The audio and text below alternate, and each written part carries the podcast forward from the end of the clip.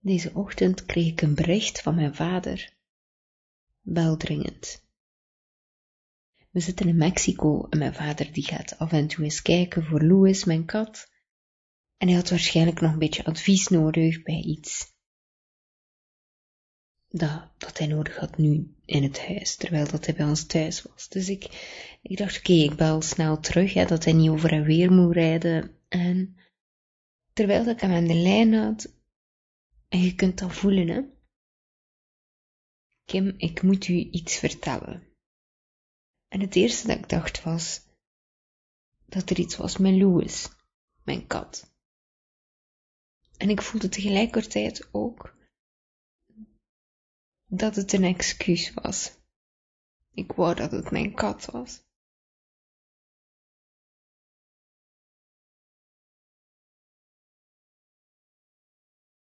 Je weet dat. En ik wist het al. Alles wat er daarna gebeurde was één grote waas. Ik voelde een oerkreet diep vanuit mijn hart via mijn keel.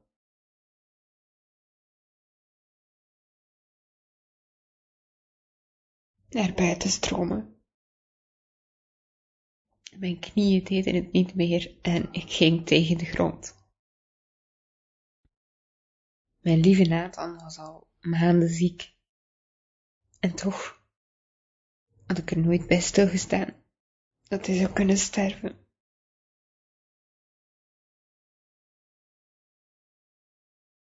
Ik wist het wel. Ik had het gelezen op Dr. Google maar ik geloofde niet dat het, zou dat het hem zou overkomen. Dus ik had daar verder geen, geen ruimte voor genomen. Ik had hem net, net nog gezien, vorige week. Vorige week nog. Ik heb hem gezoend en geknuffeld. En nu kan ik dat niet meer. Hoe kan ik dat niet meer? Dat kan toch niet? Waarom heeft niemand mij gezegd dat dat ging gebeuren? Dan had ik meer van dit, minder van dat. Mijn moederhart werd wakker. Daar op de vloer, de kindjes, de kindjes. Uiteraard, zij verloren ook iemand dierbaar. Deze ruimte innemen voor verdriet is niet alleen voor mij. En ik stond op en ik zag ze daar zitten in de zetel, verstard, angstig voor zich uit te kijken. Mogen wij hier ook verdrietig om zijn? Ik zag de vraag in hun ogen. En dat is wat kinderen doen. Dat herken ik van toen ik klein was. En je kent het misschien nog wel van in uw eigen jeugd, als uw ouders gingen scheiden, als ze ruzie hadden, als iemand stierf. Als kind is er niet altijd ruimte voor uw verdriet, omdat volwassenen er nu te veel hebben om dat van u er ook nog bij te nemen. En ik hoorde laatst in een podcast van De Wereld Ontwaakt hoe dat kinderen soms hun eigen verhalen meedragen. Het ging over twee zusjes en hun ouders. Er werd via de radio meegedeeld dat er oorlog werd verklaard. De ouders die waren zo van slag dat ze elkaar omhelsden. En het ene zusje kreeg de geloofsovertuiging dat wanneer dat er verdriet is of wanneer dat er iets ergs gebeurt, dat je elkaar nodig hebt en dat je verbinding gaat gaan zoeken. Je doet het samen. Het andere zusje, die hetzelfde tafereel zag, kreeg de geloofsovertuiging dat wanneer dat er iets ergs gebeurt, dat je er alleen voor staat. En op een of andere manier kwam dat verhaal in mijn gedachten geslopen. Ik raapte dus alles wat ik had samen en ik ging tussen de kindjes gaan zitten. Want oh dat ze hierdoor een bepaalde geloofsovertuiging krijgen in de toekomst. Ik nam ze stevig vast. En pas dan namen ze alle ruimte om hun verdriet te tonen en te huilen zoals zij dat ook echt wilden. Ze wachten op mijn goedkeuring. In welk dier zou Nathan veranderen, mama? Ik geloof in de oneindigheid van de dingen. En om het makkelijk te maken voor de kinderen om te begrijpen, heb ik wel al eens verteld dat ik geloof dat we, als we sterven, weer kiezen hoe we terugkomen. Volgens mij wordt die nu een vleermuis, zei Ben. Die zijn lief, die zijn schattig, maar ook grappig. Net zoals Nathan. Terwijl kom ik tot besef dat ik mijn telefoon kwijt ben, want ik, ik was toch in gesprek met mijn vader.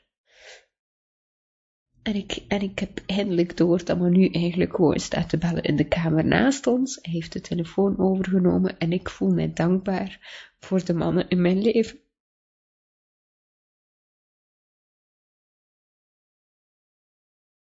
Mijn vader, die zorgt voor thuis.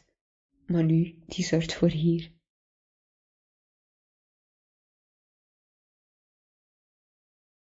En ik denk aan mijn stiefmoeder. Een van de liefste vrouwen in mijn leven verloor haar kind, bedenk ik mij. Ik denk aan hoe het zou voelen om een van mijn kinderen te verliezen en ik druk ze stevig tegen mij aan, terwijl de tranen stromen. Mijn lieve broer is dood. Mama, hoe is Nathan precies gestorven? Mama, konden ze er echt niks meer aan doen? Mama, heeft Nathan pijn gehad toen als hij stierf? Mama, hoe zou het met Mimi zijn? Mama, nu is het even genoeg, zegt Manu. Mama heeft verdriet, ze wil er nu even niet over praten. En ik denk er even over na en ik zeg, ja maar, ik wil er wel over praten. Mag ik nog praten over mijn dode broer? Vraag ik me af. Mag ik deze podcast opnemen? Mag ik erover praten met andere mensen? Mag ik dit rouwproces op mijn manier doormaken en delen met anderen die het ook nodig hebben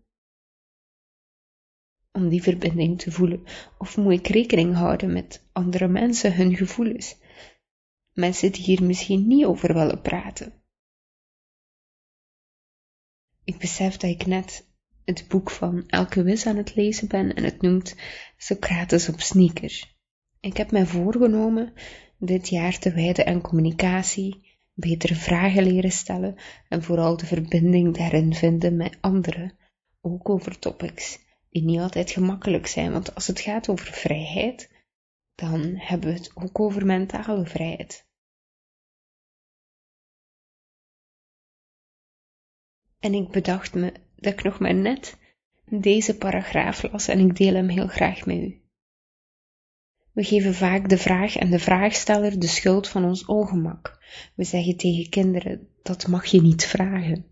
We bestempelen een vraag als onbeleefd, veel te persoonlijk of antwoorden kortaf dat dit soort vragen ongepast zijn. Stel je toch die spannende maar oprechte vraag, dan loop je het risico dat als jij als vraagsteller daar wordt voor afgerekend. De schaamte die eh, dat oproept, willen we niet nogmaals ervaren en dus ontwijken we de diepgaande, spannende vraag en daarmee de kans op een goed gesprek en echte verbinding. Ik wil mijn kinderen leren dat ze die spannende, maar oprechte vraag wel mogen stellen. Dat verbinding belangrijk is. Zelfs als dat wil zeggen dat je soms ongemakkelijke gesprekken aangaat. En dus neem ik de uitdaging met veel liefde aan. Ook al doet het pijn. Om erover te praten. Maar ik merk toch dat ik heel blij ben met de gesprekken, omdat het ruimte geeft. Dat wil niet zeggen dat het gemakkelijk is.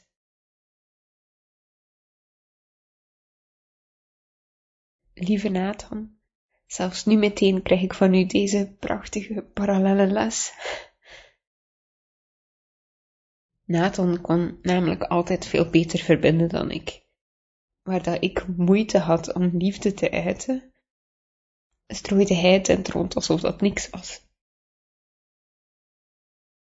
En vroeger begreep ik dat niet. Toen ik aan het puberen was, een jaar of zestien, vond ik hem vooral een dikke opschepper. En later besefte ik dat ik hem eigenlijk vooral benijdde om zijn talent.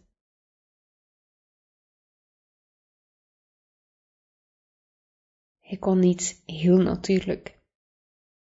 Iets wat ik ook wilde kunnen. Nu kan ik het ook. Al is het dan nog steeds niet zo moeiteloos als dat hij dat deed. En wou ik dat ik het vandaag langer met hem kon delen. Ik heb zijn ziekte onderschat. Ik heb het kleiner gemaakt dan het was. En toch ben ik dankbaar dat we onze gesprekken nog kregen en verbinding vonden op een veel dieper niveau dan ooit tevoren. Mama, is Nathan nu echt weg? Nee, Nathan is niet echt weg. Relaties verdwijnen niet. Ik praat nog steeds tegen mijn opa. Hij leeft in onze tuin in de pioenrozenstruik die ik meenam uit zijn tuin toen hij stierf. De struik verhuisde mee met ons naar onze nieuwe woning en die is er nog steeds. Ik praat voor altijd met mijn pioenrozen en al dus ook met mijn opa, waar ik nu meer mee praat dan ik ooit tevoren heb gedaan. Ik, ik ben namelijk altijd een beetje bang geweest van mijn opa. Hij was altijd zo chagrijnig. De pioenroos daarentegen, die is rustig, neemt de tijd om te luisteren. En ik kan echt wel zeggen dat onze relatie nooit beter was als vandaag. Ik hou van beide versies. Maar deze heeft mij veel meer toegelaten in zijn hart en ik ben er hem alleen maar liever door gaan zien. Ik moet zeggen dat ik mijn twijfels had bij de vleermuis. Kan dat? Zo in coronatijd, een vleermuis?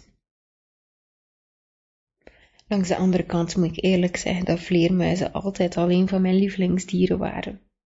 Ik ving er ooit een als kind en ze zijn ontzettend mooi en zacht en tegelijkertijd magisch. Staat er maar even bij stil. Van alle sprookjesfiguren die je kent, de eenhoorn, de draak, noem maar op, is er maar één die echt bestaat. En dat is de vleermuis. Een vleermuis is nooit alleen, blijft altijd in groep. En werken met echolocatie. Nathan had dat ook. Hij had de kracht om te voelen wat anderen voelden en hij zei iets of niets. En beide was altijd de perfecte aanpak. Nu heb ik een relatie met een vleermuis. De vleermuis.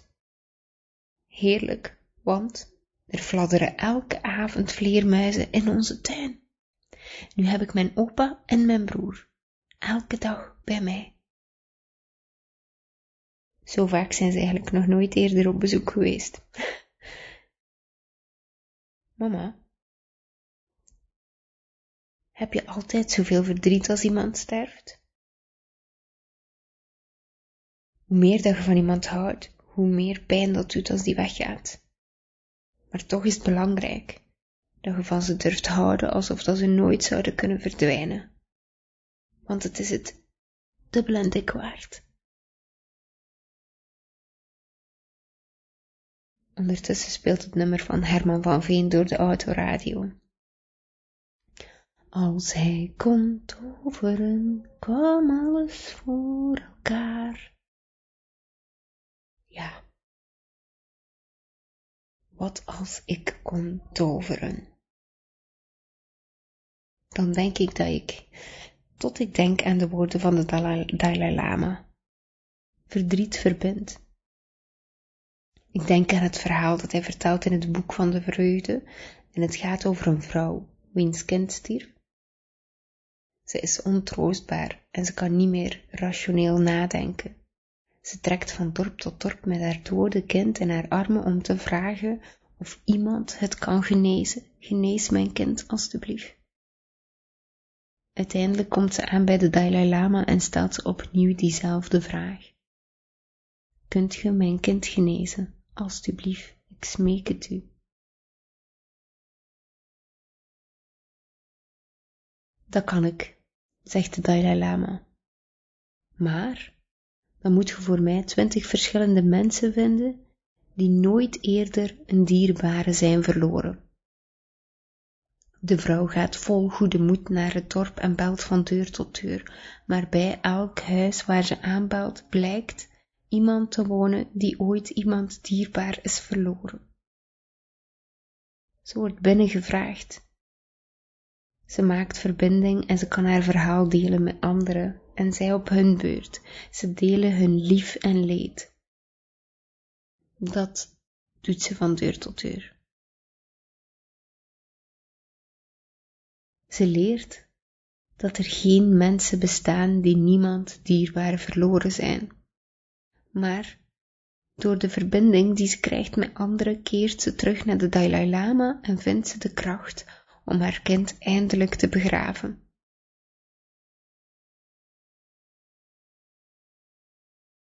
Nathan de Verbinder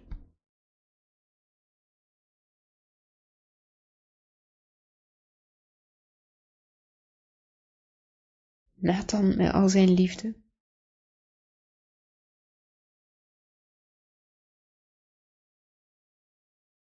Gaf ons zijn laatste grote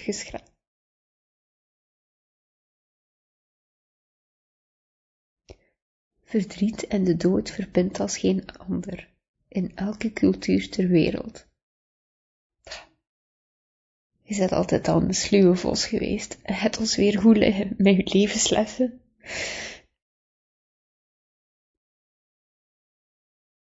Ik geloof dat we allemaal kiezen waar we geboren worden, dat we onze families kiezen omdat we weten dat zij ons de lessen gaan leren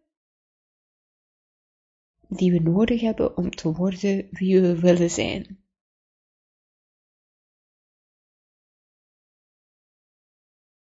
Ik ben blij dat ik u gekozen heb, Nathan. En ook dat jij mij koos. Ik fluister tegen de kinderen hun oor. Leef je leven voluit. Ga alles doen wat je wilt doen. Laat u nooit tegenhouden door angst. Ga liefhebben, ga fouten maken en leren. Wees nieuwsgierig en durf bevragen. En weet dat je ook vreselijke, vreselijke dingen gaat tegenkomen, net zoals iedereen. Maar dat ze nodig zijn om u te vormen. Houd uw ogen open tijdens die momenten voor de parallele levenslessen. Ik hou mijn adem in. En ik slik nog een traan naar binnen. Ik denk niet dat ik al ooit zoveel gehuild heb. En ik denk ineens terug aan vannacht. Ik werd heel gek wakker. Alsof er een waarschuwing kwam. Ik had geen nachtmerrie, geen droom, geen gek geluid. En toch voelde ik mij vreselijk en werd ik abrupt gewekt. Ik vertelde het deze ochtend nog tegen Manu, dat ik niet wist wat dat was, alleen dat het niet goed voelde. En ik begon terug te rekenen naar de tijdzone van Mexico naar België.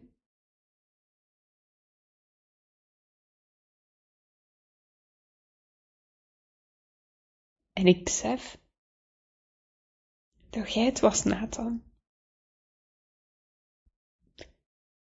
Je kwam nog even afscheid nemen voordat je vertrok. En zelf als je sterft, blijft je pijnlijk attent. En ik denk heel even, opschepper.